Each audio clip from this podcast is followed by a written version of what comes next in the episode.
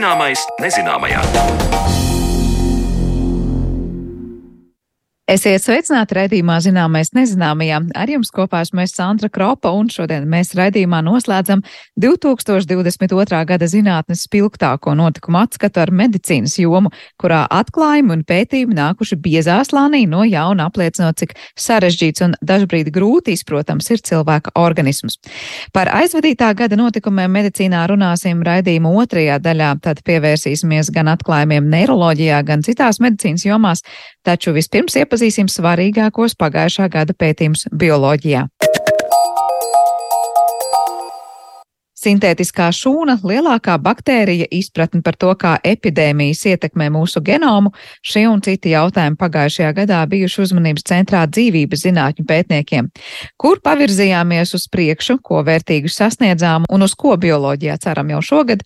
Lai to noskaidrotu, Mariona Baltkalna tikās ar pētnieku Jāni Liepiņu un viņu sarunu klausieties turpmākajās minūtēs. Saslimšanas gadījumi ar pērtiķu bakām, neiepriecinoša gripas statistika, tad vēl jaunas bažas radīs respiratoris incitiālais vīruss. Visi šie stāsti bijuši aktuāli 2022. gadā.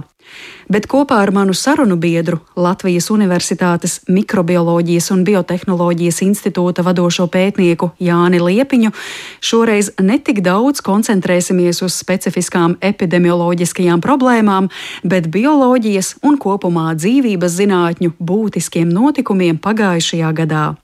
Ar Jāni Liepiņu daudzkārt esam tikušies Latvijas Universitātes bioloģijas fakultātes gaiteņos, tāpēc sarunā viņu uzrunāju uz tu, un pirms pievēršamies pagājušā gada sasniegumiem bioloģijā, vaicāju, vai bija arī kas tāds, kas pētniekus satrauca un lika aizdomāties.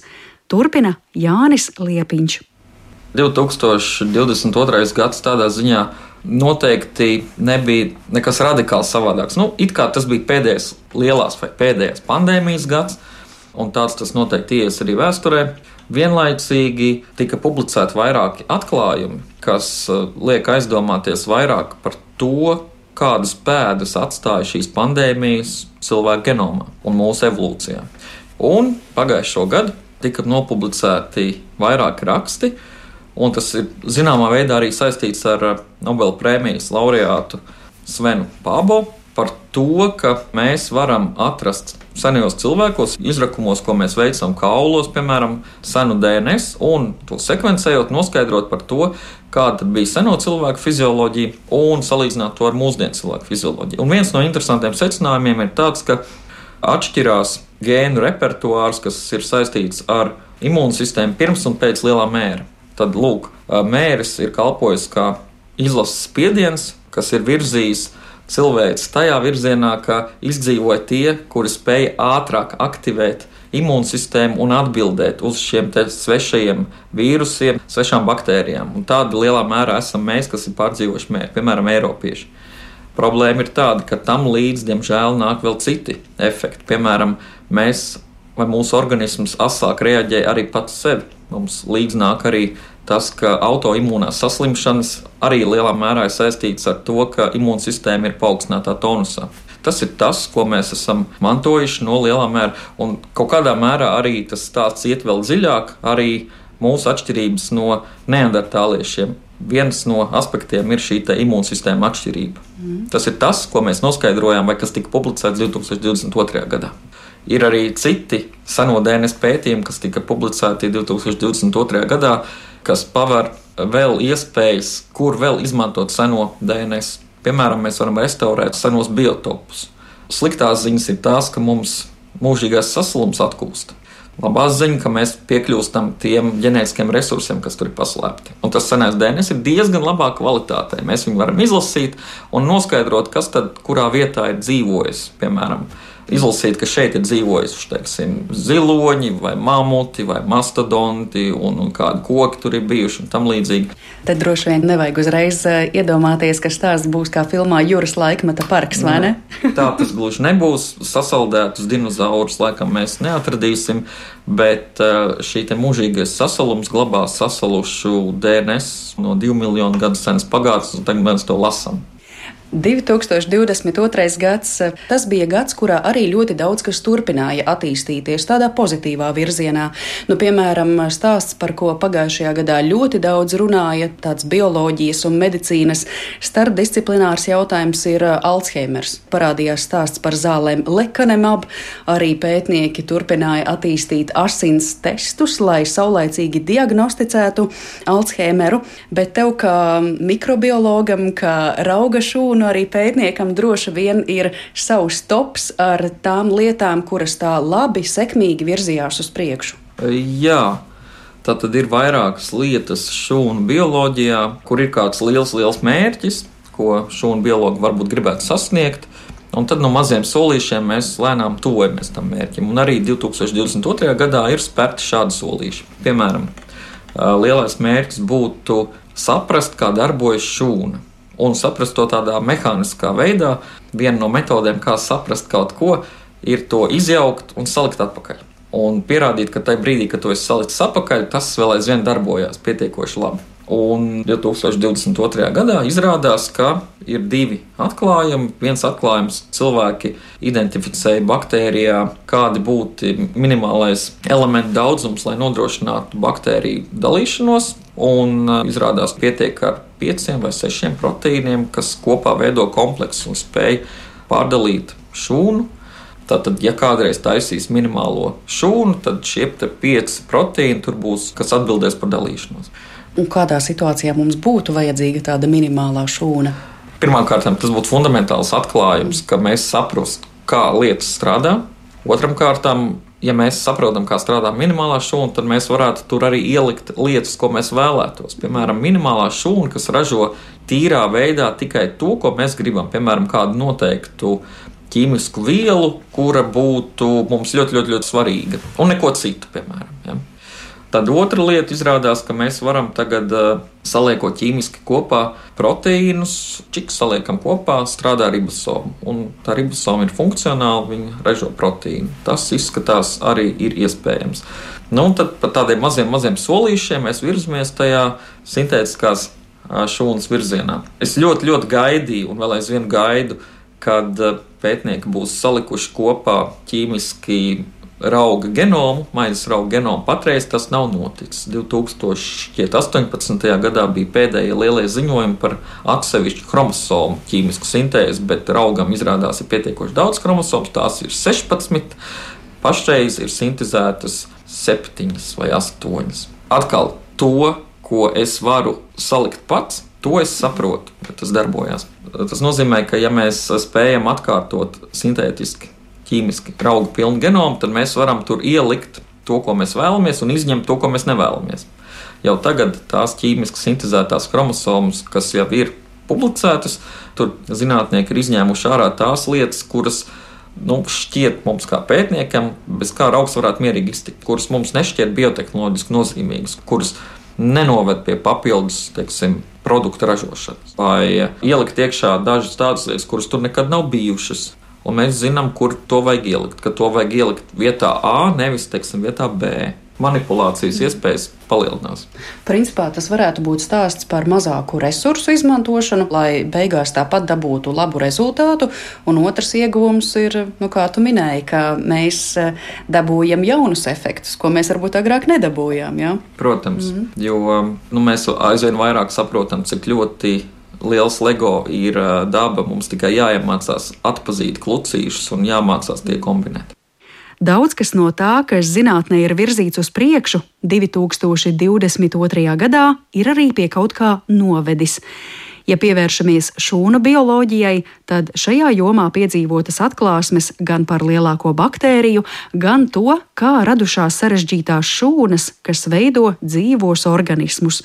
Par to plašāk stāsta Jānis Liepiņš. Viena lieta, kas bija pārsteigums, bija pasaulē lielākās baktērijas atklāšana ne no kurienes piepešs ziņa, ka mēs esam atraduši baktēriju, kur ir viena centimetra, varbūt pat garāka, ar neapbruņotu acu saskatām. Tam ir iedots vārdiņš, Tio Margarita Magnifika. Tio Margarita grupa jau ir eksistējusi ar ļoti lielām baktērijām, kas bija 0,7 mm gara. Tagad ir desmit reizes lielāka baktērija atklāta. Nu, tad, tad Iespējams, ka baktēriju izmēram arī zināmā mērā nav īsti robeža, un tās var būt arī diezgan lielas. Cits pārsteigums, kas jau bija mazliet tāds sagaidāmāks pārsteigums, bija ziņojums par to, ka ir iemācījušies laboratorijā kultivēt mūsu iespējams tuvākos bakteriālos senčus. Tad, tad eikariotiskās šūnas no baktērijām atšķiras ar to, ka mūsu šūnās iekšā ir mitohondrija, ir endoplasmatiskais tīkls, ir kodols visādas struktūras, kuras katra ir norobežota ar atsevišķu membrānu. Un teorija ir tāda, ka kādreiz senie mūsu bakteriālie senči ir apēduši kādas citas baktērijas, un tās nav aizgājušas bojā, tās ir saglabājušas savu membrānu, un tad mēs visi kopā esam turpinājuši eksistēt. Un izrādās, ka ir iespējams atrast vēl aizvien uz planētas Zemes organismus, kas ļoti, ļoti atgādina šos senos senčus. Tiem pat ir dots nosaukums Ašgārda, kā tēliem no Gradzena pavēlnieka. Jā, no Gradzena pavēlnieka. Un uh, tie ir ļoti īpatnēji mikroorganismi, tādi bumbulīši ar daudz rociņām, ļoti saudabīgi. Iespējams, ar rociņa palīdzību ir iespējams satvert kādu citu baktēriju un to pat uh, ievilkt sevī. Un tā kā tagad zinātnieki māca šīs baktērijas kultivēt uh, laboratorijas apstākļos, iepriekš to nemācīja. Iepriekš viņi tika aprakstīti balstoties tikai uz ģenētiskiem datiem un mazliet arī uz fotografijām tad noteikti šīs mikroorganismu grupas pētniecība strauji attīstīsies. Tad tas ir principā stāsts, ka mēs arī pārakstam kaut kādas evolūcijas teorijas, tik uh, vērienīgi var teikt. Es domāju, ka mums ir bijušas kaut kādas aizdomas. Tad, tad evolūcijas teorija liecina par to, ka visiem ir savi senči, un, uh, ja jūs nevarat to sensu atrast, jūs varat iedomāties, kāds tas sens varētu būt, balstoties uz pašreiz esošo organismu vai mikroorganismu daudzveidību. Un vai kāds pārsteigums, re, kur viņš ir, un jūs redzat elementus viņa uzbūvē un ģenētiskajā materiālā, kas tieši liecina, ka šis ir ļoti mūsu sensiem tūs radinieks, kas vēl aizvien ir saglabājis daudz šī universālā senča īpašības. Tāpēc, ka šī baktērija dzīvo vidē, kas iespējams vairākus miljardus gadus nav būtiski mainījusies. Tas ir dziļi zem ūdens, karstu avotu tūmā, kur, acīm redzot, vide ir tik stabila, ka nav nepieciešams veikt jaunas inovācijas, piemēram, patērēt skābekli vai peldēt virspusē un sākt fotosintēzēt. Nekas no tā nav nepieciešams. Nu, un vēl viena lieta, kas noteikti bija patīkams pārsteigums. Cilvēki iemācījās izveidot eh, ķīmisku reakciju tīklu, kur eh, bez fotosintēzes, kur mēs pazīstam kā oglekļa eh, neitrālu vai pat oglekļa negatīvu procesu, tad fotosintēze ir process, kurā augi uzņem ogliskābo gāzi, pārveido par cukuriem, un mēs pēc tam tos cukurus izmantojam vai nu kā koksni, vai nu kā tiešām cukurus barībā, vai citos veidos. Tādā veidā, stādot kokus, mēs vienkārši samazinām CO2 daudzumu atmosfērā. Bet līdz šim bija ļoti maz piemēru, kur kāda cita organisma būtu oglekļa negatīva. Tagad tādi ir. Ir vairākas baktērijas, ģenētiski modificētas, kuras saista CO2 un ražo mums interesējošas ķīmiskas vielas, piemēram, acetonu, piemēram, butanolu. Un ir pamatots aizdoms, ka šādi biotehnoloģiski ražotāji tiks lietot nākotnē. Īpaši, ja mēs tiešām vēlētos pieturēties pie CO2 negatīvu procesu attīstīšanas. Mm. Stāsts par ķīmiski saliktu auga genomu šogad noteikti turpināsies. Iespējams, kaut ko jaunu mēs varētu uzzināt par baktēriju senčiem. Bet noslēgumā Jānis Liepiņš piemin vēl kādu procesu, kas bioloģijas notikumu topos pagājušajā gadā tik spilgti nav izcelts. Tomēr tas bijis nemazāk svarīgs tie ir sabiedrību pētījumi, kā dažādi organismi savā starpā sadzīvo. Un mikroorganismu gadījumā tā ir dažādu mikroorganismu ķīmiska sadarbība. Viens mikroorganisms sadarbojas ar otru, lai abi kopā izdzīvotu. Un šīs ķīmiskās sadarbības mēs varam vērot daudz, kur tie ir mūsu kuģa zarnu mikroorganismi, tie ir pārtiks produkti, jogurts, kefīrs, dabiskās sabiedrības tur ārā, augsnē un, un tam līdzīgi. Un tam līdzīgi. Un šajā virzienā es gaidītu, ka būtu kāda pārsteidzoša atklājuma par jaunām mikroorganismu sabiedrībām vai sabiedrību restaurēšanu, piemēram. Ka mēs, saliekot kopā sev zināmus mikroorganismus, varam paredzēt, kā kopā uzvedīsies šī sabiedrība. Un jau tagad ir zināms, ka dažas šādas sabiedrības var ražot kaut ko mums ļoti, ļoti noderīgu.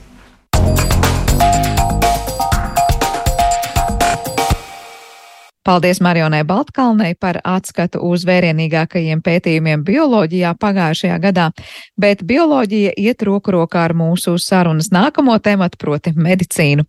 Kāda atklājuma medicīnā pārsteidza pasauli 22. gadā par to tad raidījuma turpinājumā.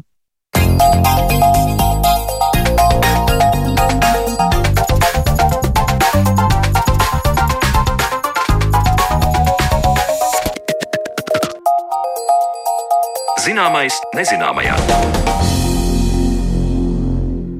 Aizvadītajā gadā beidzot tika pilnībā sekvenēts cilvēka genoms. Tas ir tikai viens no nesenākajiem atklājumiem medicīnā, kas no jauna parāda, cik maz izpētīts un pārsteigumiem bagāts ir cilvēka organisms un tajā notiekošie procesi. Medicīnas nozares sprintā steidz izprast gan dažādu slimību cēloņus, gan arī meklēt zāles kaitēm, kuras tuvākajās desmitgadēs kļūst arvien aktuālākas. Par pagājušā gada būtiskākajiem notikumiem medicīnā un to, kā tie ietekmē arī varbūt šogad pētāmo un pielietojamo, tad arī runāsim turpmākajās raidījuma minūtēs, kad pie mums studijā viesojas ārsts, internists un nefrologs, arī Rīgas Stradiņa universitātes lektors Kārlis Rācens. Labdien! Labdien! Tāpat arī Stradiņa Kliniskās universitātes slimnīcas neiroloģija Ramona Valanta. Labdien! Kā arī Longanes uzņēmuma līdzdibinātājs un medicīnas tehnoloģiju eksperts Latvijas universitātes pētnieks Emils Sjundjukovs. Labdien! Labdien! Nu, jā, parasti šie raidījumi skan tādās uh, atskata gaismās par to, kāds ir bijis aizvadītais gads, jo parasti gada laikā tomēr katrā nozarē diezgan daudz notiek. Šoreiz paskatīsimies arī ar tādu ievirzi jau uz šo gadu, bet tomēr, ja paskatāmies uz aizvadīto, kāds jums liekas, viņš ir bijis tāds bagātīgs, notikumiem bagātīgs un panākumiem bagātīgs gads vai izaicinājumiem bagāts un, var teikt, vairāk gaidījām nekā, nekā sagaidījām no tagad Kārlis sākšu. Nu, es domāju, ka šis gads eh, ir viennozīmīgi bijis ar daudziem jauniem atklājumiem, bet jāsaka arī, ka tie atklājumi uh, iezīmējas ar to, ka viņi tika beidzot izmantoti. Ir daudz jaunas lietas, kas it kā nu, nemaz nav īstenībā tik jaunas, bet tika apspriests diezgan daudz medikamenti, kurus uh, reāli kliniskā praksē mēs varam pielietot. Tāpat tās tika izmantotas tehnoloģijas, kuras likās nu, tāda, nu, jāsaka, ka agrāk varbūt zinātniskā fantastika, bet reāli viņas šobrīd jau nu, patiešām ir izmantotas pacientu ārstēšanā, jau tādā praktiskā pielietošanā. Un uh, es domāju, ka tie izaicinājumi bija, bet, uh, nu, salīdzinot ar 21. gadu, es tomēr teiktu, ka tie bija mazāk. Salīdzinoši mierīgs gads, ja ir bijis medicīnā.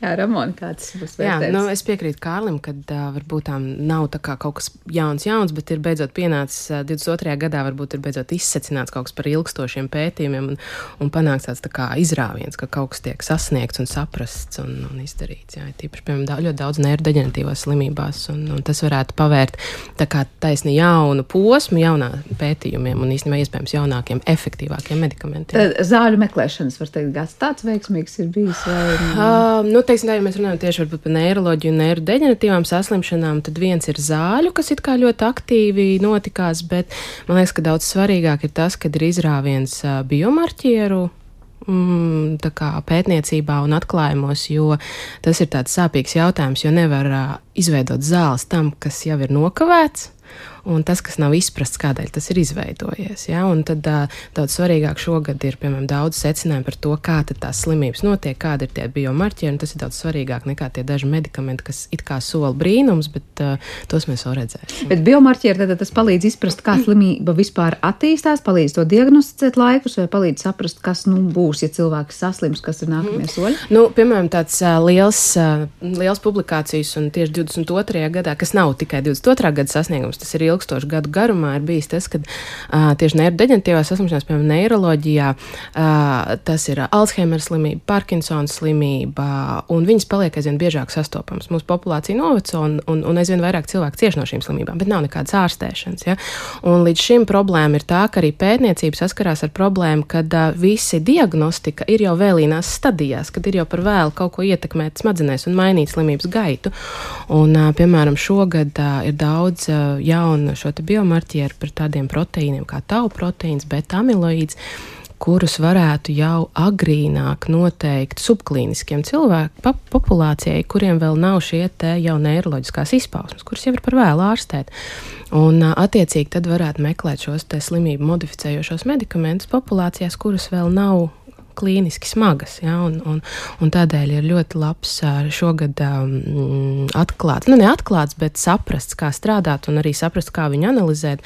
Uh, tāds tau proteīna paveids, jo viņi ir daudz. Un, um, Tieši viens no šiem tavu proteīnu paveidiem uh, ir atklāts, ka viņš ir saistīts ar Alzheimer slimības progresiju. Un, principā, var noteikt, cik 30 gadu laikā, cik daudz tad uzkrāsies, un, attiecīgi, tad būs klīniskā aina. Tādā veidā to var noteikt preklīniskiem cilvēkiem, un uz tiem tad varētu tālāk strādāt tie klīniskie pētījumi ar medikamentiem. Ja? Un tas ir tāds, un to šobrīd var noteikt. Uh, ir atrādis veids, kā noteikt um, cerebrospinālā šķidrumā, un arī šobrīd tiek strādāts pie to, kā to noteikt asinīs. Tā kā var teikt, ļoti agrīna diagnostika ir tā. Tā varētu būt, jā, jā tā, kas tā, ir sagaida. daudz svarīgāk varbūt šajā jomā nekā, piemēram, kaut kāda medikamenta, kas šobrīd parādās. Jā. Par medikamentiem droši vien arī pēc brīža parunāsim, bet es gribu Emīlam arī dot vārdu nu, no medicīnas tehnoloģiju puses. Parasti par tehnoloģijām runājot, mēs sakām, ļoti ātri viss mainās, un katru gadu mēs varam runāt par ļoti, ļoti jaunām un, un, un teju revolucionārām lietām vai medicīnas tehnoloģijās līdzīgi. Nu, man šķiet, ka iepriekšējie divi, nu jau trīs gadi vai ne, kopš ar Covid pandēmiju. Um, uzlika ļoti lielu uzmanību vispār uz veselības aprūpas uh, sektoru, arī no plašākas sabiedrības. Un, protams, tur ir gan plusi, gan arī izaicinājumi. Ļoti daudz saka skatīties uz to, kā tehnoloģijas pielietot, nu, sakot ar to pašu vienkāršāku telemedicīnu, ja, kad nu, mēs nevaram klātienē pieņemt pacientus nežda manipulācijām vai vispār pacientu ceļa procesā, tad mēs sākam skatīties, kā mēs varam nu, tos dators vai planšets vai telefons pielietot. Ja. Bet, nu, ja mēs skatāmies uz šo gadu, protams, tas ir izveidot tādu pārsatinājumu, ka visi gribēja digitalizēties pēkšņi ļoti straujiem soļiem, bet, eh, protams, eh, nu, ir jāskatās uz eh, tehnoloģiju ne kā uz tādu nu, primāro lietu, bet kā uz atbalstrīku. Ja, kā Ramona Kālis pieminēja, ka lieliski arī diagnosticēšanas dažādi jaunie atklājumi, un tur tehnoloģijas var nu, nākt roku rokā. Ja mēs skatāmies par šo gadu, ir tīpaši par otru pusi, un droši vien plašāka sabiedrība, mēs varam teikt, ka tas ir tāda mākslīga intelekta, tādu jaunu soļu, jaunu atklājumu, jaunu produktu stāstu. Nu, protams, visi ir dzirdējuši par ChatGPT, ja, par eh, to mm, asistentu, viedu asistentu, ar ko sarunājoties, tu vari dabūt diezgan jēdzīgas un tādas plašas, nu, savā ziņā cilvēciskas, pat kā cilvēki saka, atbildes. Ļoti daudz cilvēku saka, veidot to troksni par to, nu, kā mēs to varam izmantot tādā. Nu, attiecīgi asistēšanai, veselības aprūpas speciālistam. Nu, tur es neliktu pašlaik ļoti, ļoti lielas eh, nu, cerības uz to, ka tas aizvietos kādu.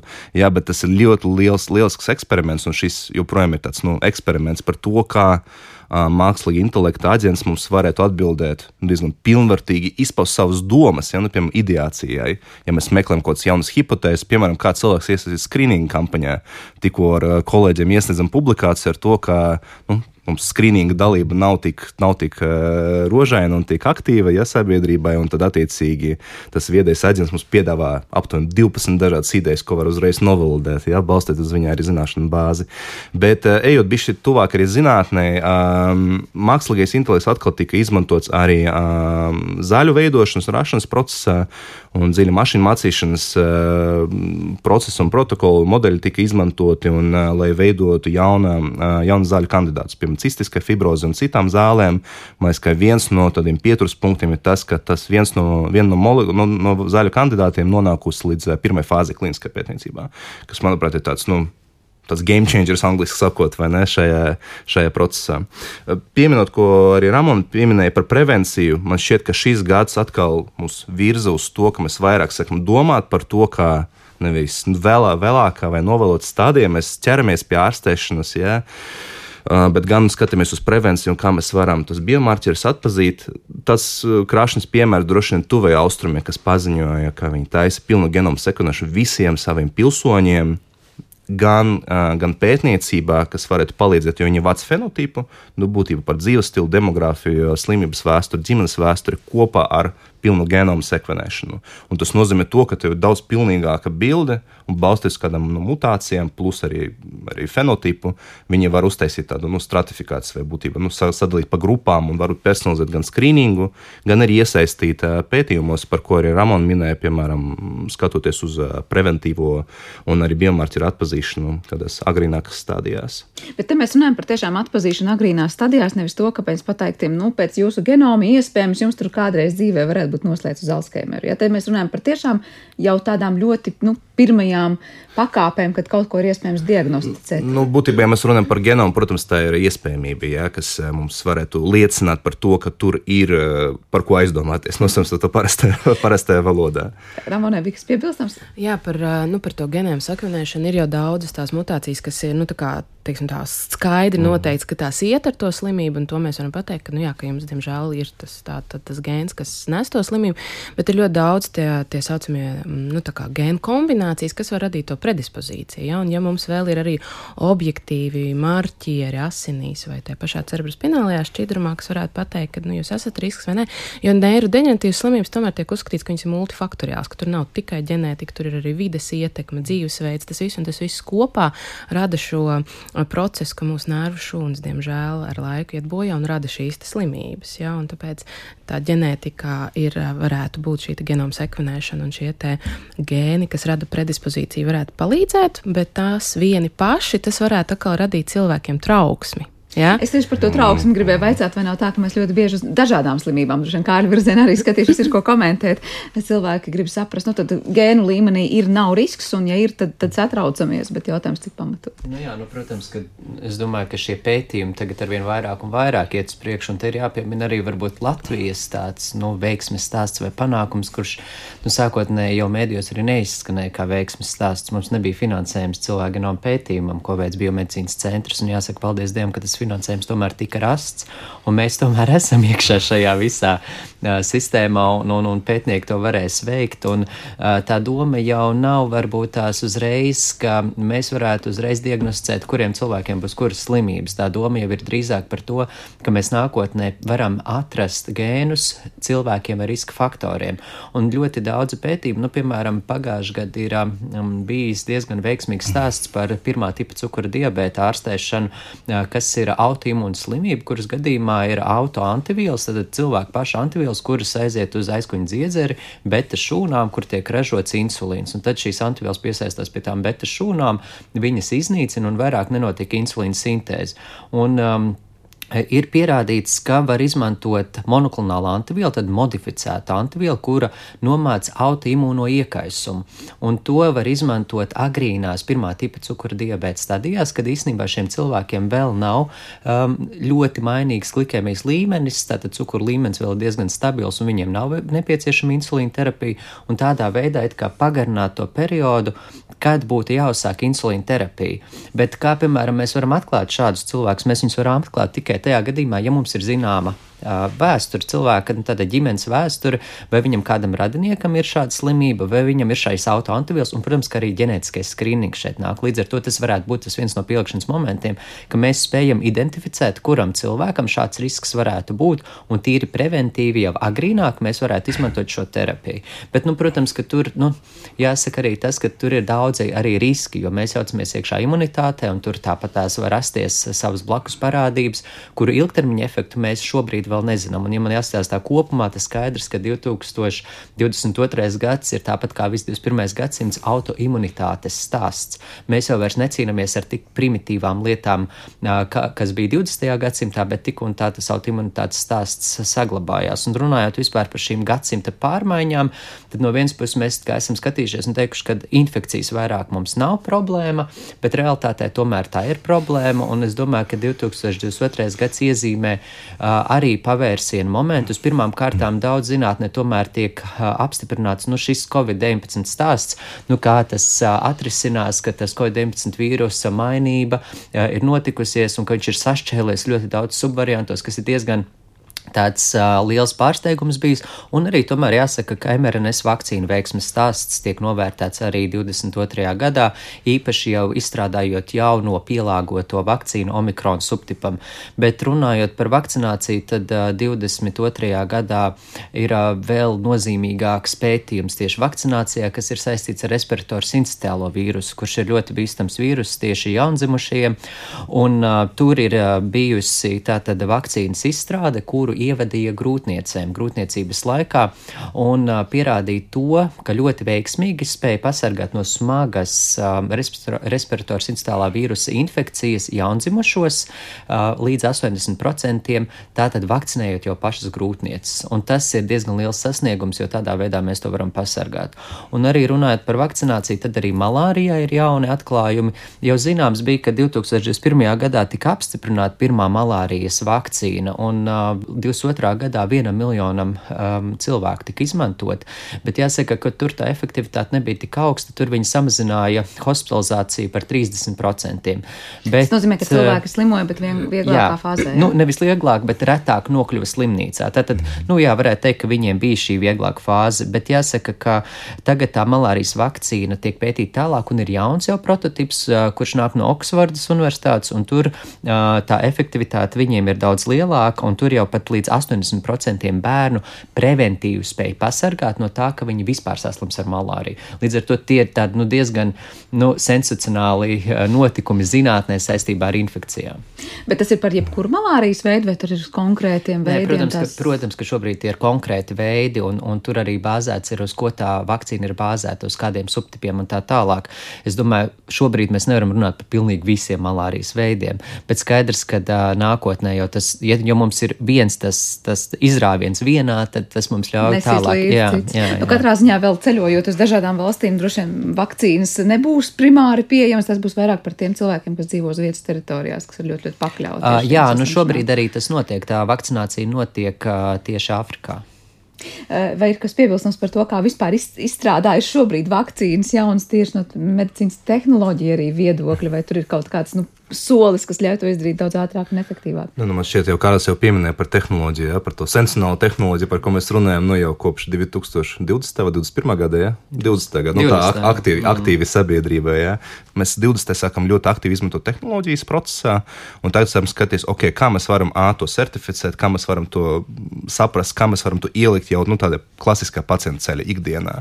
Un, uh, tur ir ļoti arī atsaucas to, ko Ramon teica par to pacientu līdzestību. Ja? Nu, viens ir mēs sniedzam tādu terapiju, vai arī, piemēram, nu, veicam manipulācijas iekšā veselības aprūpas iestādes, bet, protams, ārstēšana un vispār nu, tas pacients ceļš turpinās arī ārpus, ārpus klīnikas. Un, uh, tur uh, skatāmies arī uz to, ka gan, gan FDA, gan arī uh, citās iestādes, certificēšanas iestādes izveidoja atsevišķu task groups, lai uh, varētu certificēt un varētu palīdzēt digitālās veselības kompānijām ienākt ienāktu tajā nu, kliniskajā tirgu nosasniegtu. Tā uh, nu, labs piemērs ir tā saucamie companion apps vai nu, lietotas, kas iet roku rokā ar medikamentiem. Uh, Un nu, ir arī tas termins digital medicine, ja savā ziņā digitālā, digitālā zāles vai digitāla medicīnā. Būtībā, kad izraksta ne tikai, piemēram, Vācija izraksta ne tikai medikamentus, bet var izrakstīt arī, arī digitāls lietots roku rokā ar, ar kādu no medikamentiem. Par tām slimībām, ar kurām sastopamies, kā ārsts jau minēja, ka no vienas puses tās infekcijas ir gājušas mazumā, un liekas, nu tur jau sapratām, ko un kā darīt. Un ir citas slimības, Ramona arī pieminēja, ka sabiedrībā kļūstam ar vien vecāku un ilgdzīvojošāku, un līdz ar ar to arī uh, dažādas par, uh, Alzheimer un citas slimības sevi piesaka. Uh, kā jūs raksturot kopumā ar tām slimībām, ar kurām vairāk šobrīd nu, planetārā līmenī mēs slimojam, tas ir saistīts ar to, ka mēs dzīvojam visilgāk, vai ar dzīvesveidu, neveselīgu pārtiku un cukuru un daudz ko citu, kā mēs dzīvojam. Sirds asinsvadi, kā jūs teikt, nu, kādas ir tās tendences? Kas ir tā lielākā problēma šobrīd? Tas, ir, tas, man liekas, ir ļoti īstenībā filozofisks jautājums. Un, uh, mēs uh, te jautājam, kādas ir mūsdienu vai mūsu gadsimta galvenās slimības. Ja mēs, piemēram, paskatītos 20. gadsimta, tad skaidrs tās bija infekcijas slimības, ar kurām vajadzēja tikt galā. Tad šobrīd mēs zinām, ka cilvēki dzīvo ilgāk. Ja mēs salīdzinām simts gadus atpakaļ vai vairāk gadus atpakaļ, dzīvildze ir krietni paildzinājusies. Un šī novecošana, protams, rada arī slimības, kuras ir saistītas ar novecošanu, visas šīs sirds asinsvadu slimības, kuras galīgi nebija 20. gadsimta sākumā topā kā mirstības cēlonis. Tās ir palikušas kā galvenais mirstības cēlonis. Līdz pat 60% galvenais mirstības cēlonis sirds asinsvadu slimības mūsdienās. Bet nav tā, ka paliek jaunāki tie, kas slimo ar šīm slimībām? Nē, tā, nu, tādu apgalvojumu man liekas ir ļoti grūti teikt, bet tas, ko es varētu teikt, kas man ļoti satrauc, varbūt, ko es parasti arī saku, kas ir mūsdienu slimība. Protams, kad ir onkoloģija, kā viena tāda nu, multifaktoriāla slimība, kuras cēlonis nav vienīgi vecums, bet tas ir multifaktoriāls gan vide, kur mēs dzīvojam, piesārņojums, gan arī nu, pārtika, acīm redzot, un visi citi faktori, kurus mēs uzņemam ikdienā, bet vēl jo bīstamāk, tomēr, ko mēs reti novērtējam, ir autoimūnās slimības. Tad imūnā disregulācija ir ļoti daudz slimības, piemēram, manā specialitātē, nu tā būs vismaz 30-40% slimības, kuras ir saistīts ar imūno disregulāciju. Cilvēka paša organisms uzbrūk pats viņa sev. pats sev, Bet un mēs nevaram cēlonis- pateikt. Un tur jau ir tā lieta, ka mēs nevaram, mēs zinām, kāds ir mehānisms. Mēs varam pateikt, ka tur rodas šāda tāda antiviela un ka viņi uzbrūk virsū. Tas pats stāsts par to pirmā tipa cukura diabētu, kad ir tās autoantivielas, kuras uzbrūk uh, beta, šūn, uh, beta šūnām aizkuņa dziedzerī. Bet mēs nevarēsim pateikt vienu konkrēto cēloni. Un tā jau ir tā lielākā problēma. Tas nozīmē, ka tas ir multifaktoriāls stāsts, un tas ir tas, ar ko mēs cīnāmies. Un cilvēki bieži vien no slimnīcā nokļūstot, uzzina, ka viņiem ir šī autoimūnā slimība. Viņi to neizprot. Viņiem liekas, ai, nu kaut kas tur, kaut kas tāds. Bet, ja realitātē mēs salīdzinām tos iznākumus, viņi ir ļoti līdzīgi onkoloģisko slimību iznākumam. Tad ir ļoti nopietna slimību grupa, kurai mēs visticamāk nākotnē pievērsīsimies arvien vairāk, vairāk un vairāk.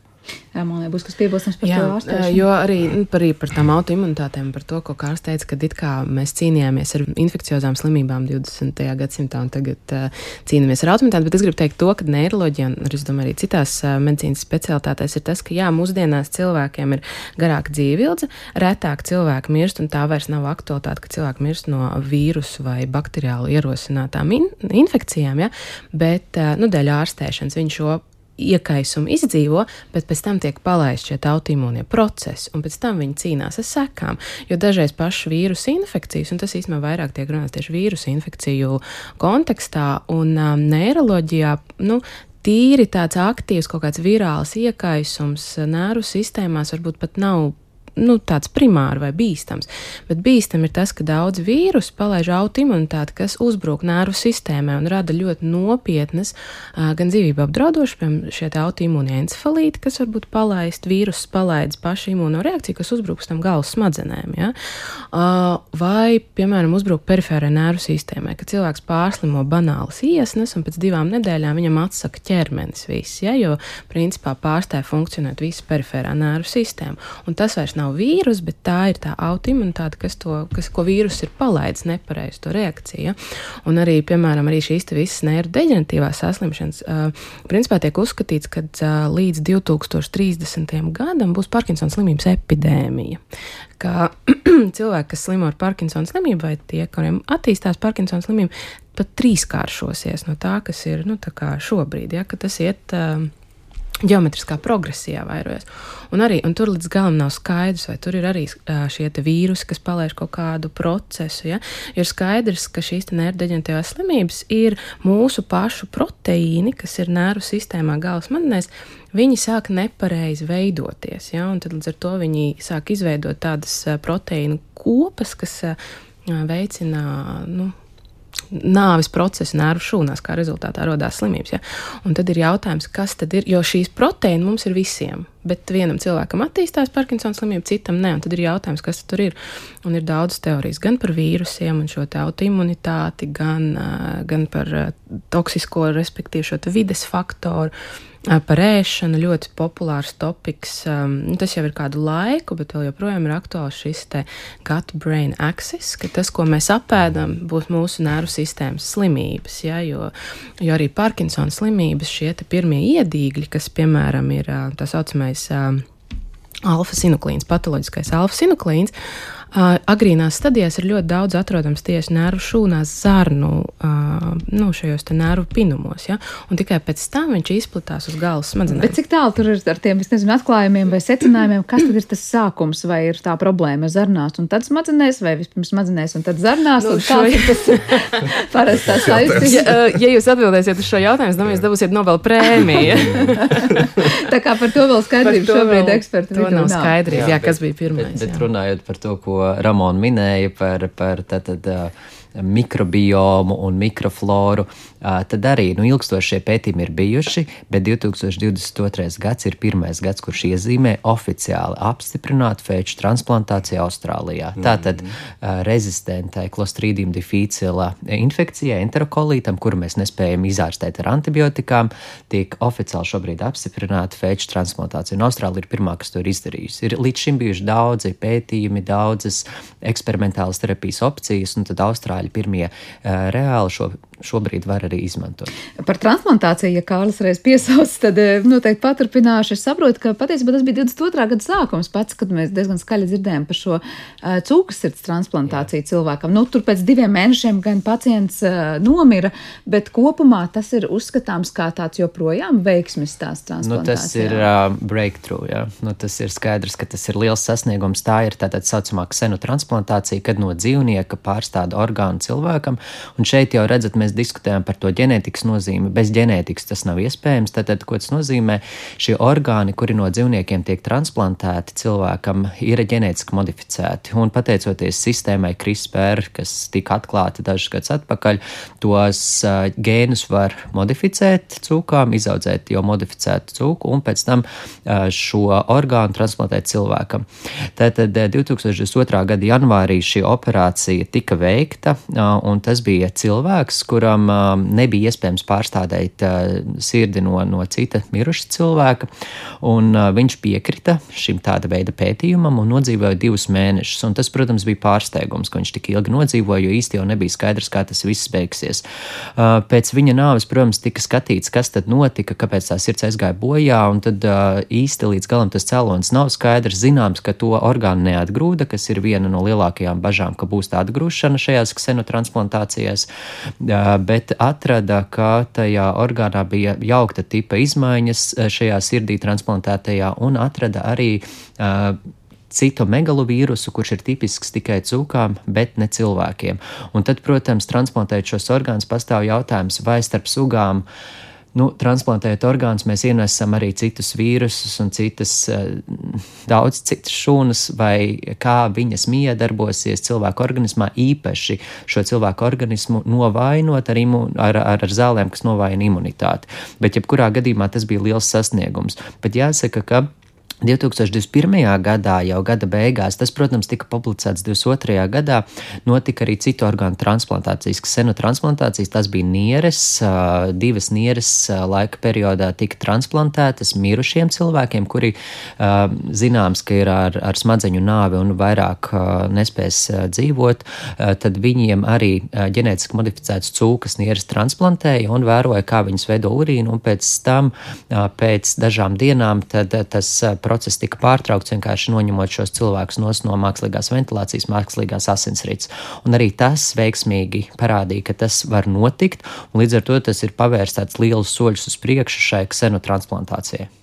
Jā, tiešām tādi nu, pamatīgi pētījumi, kas, eh, kas ir notikuši, bet par tām smadzeņu nāvi runājot, es savukārt Ramonai gribu vaicāt, es nezinu, vai tas ir kas, ko komentēt. Es skatījos, ka 22. gada nu, viens no tādiem neiroloģijas arī tur topa lietām, kas ir notikuši, ka bija iespēja ierakstīt patiesībā mirstošu smadzeņu encefalogramu. Izklausās pēc zinātniskās fantastikas, bet ko jaunu no tā ir guvuši zinātnieki? Uh, teiksim tā jautājums par, par, par kas notiek cilvēku pēc, pēc nāves, vai, vai mirstot, vai vēl kaut kas. Vai, uh, tas īstenībā ir ļoti sena lieta, kas uh, neiroloģija vispār ir ļoti interesanta lieta, jo, ja, piemēram, daudzas lietas par mūsu ķermeni, fizisko ķermeni mēs esam izpratuši, mēs varam transplantēt sirdis, plaušas, mēs varam transplantēt jebkuru orgānu, ja, tad smadzenes mēs nevaram transplantēt, jo tas ir mūsu būtība, personība, un, un uh, līdz galam nav skaidrs, nu, ir daudz teorijas vispār, kā mēs veidojamies un tā, un, un um, tad, kas notiek ar cilvēku pēc nāves, tas ir īstenībā tas ir ļoti sens, sena lieta, ko, ko, ko visi pēta. Un, nu, ne pēta, bet nu, kas jautā, visus aizrauj. Jā, kas visus aizrauj. Pētnieks, neirozinātniekus un šīs elektroencefalogrammas. Un, un, un tas, tas ir tādā ziņā unikāls, ka tieši ir sanācis, ka nu, procesā ierakstīt. Ja? Ko tas, ko tas uh, pavērs? Nu, es domāju, ka no viena cilvēka, protams, ka neko. Ja? Tas vienkārši varētu apskatīt, kā, kā notiek tas process, tā, bet, lai izprastu, vai ir kaut kādas veidi, vai, vai, vai tas mums kaut ko atbild, vai, piemēram, ir šīs te, um, sajūtas, ko visi cilvēki apraksta vienādi. Ja?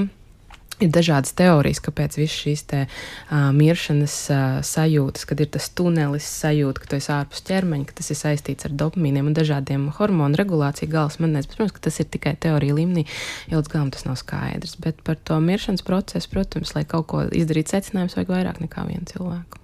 Bet tad tas ieraksts nu šobrīd neko ļoti jaunu nav atklājis un neko pastāstījis, cik vienīgi tas, ka ir interesanti to fiksēt un, un redzēt. Uh, teiksim tā, es neesmu tieši varbūt uh, lasījis kaut kādus aprakstus par to, ne, par šo jautājumu neesmu pēdējā laikā interesējusies. Līdz ar to es nevaru atbildēt, bet ņemot vērā to, cik neiroloģija ir sarežģīta un cik nervu sistēmas procesi ir neizprast, es šaubos, ka no viena cilvēka ieraksta elektroencefalograms varētu atbildēt par pārējiem cilvēkiem. Jo nervu sistēmas darbība un atbildes reakcijas un kā mēs reaģējam uz apkārtējo vidi, katram ir ārkārtīgi unikāls. Ja?